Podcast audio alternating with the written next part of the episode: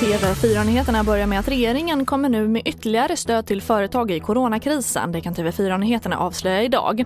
Det handlar om ett stödpaket i två delar som Liberalerna, Centern och regeringen enats om. Och det blir framförallt lättare för småföretag som idag inte har rätt till stöd.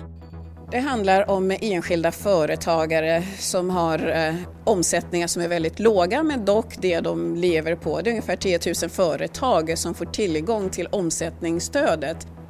Och det sa Liberalernas partiledare Nyamko Sabuni. Och det har varit låg efterfrågan på att införa besöksförbud på äldreboenden. I snart en vecka har Folkhälsomyndigheten haft möjlighet att besluta om lokala besöksförbud på äldreboenden. Men statsepidemiolog Anders Tegnell säger till TT att bara fem kommuner kommit in med en ansökan.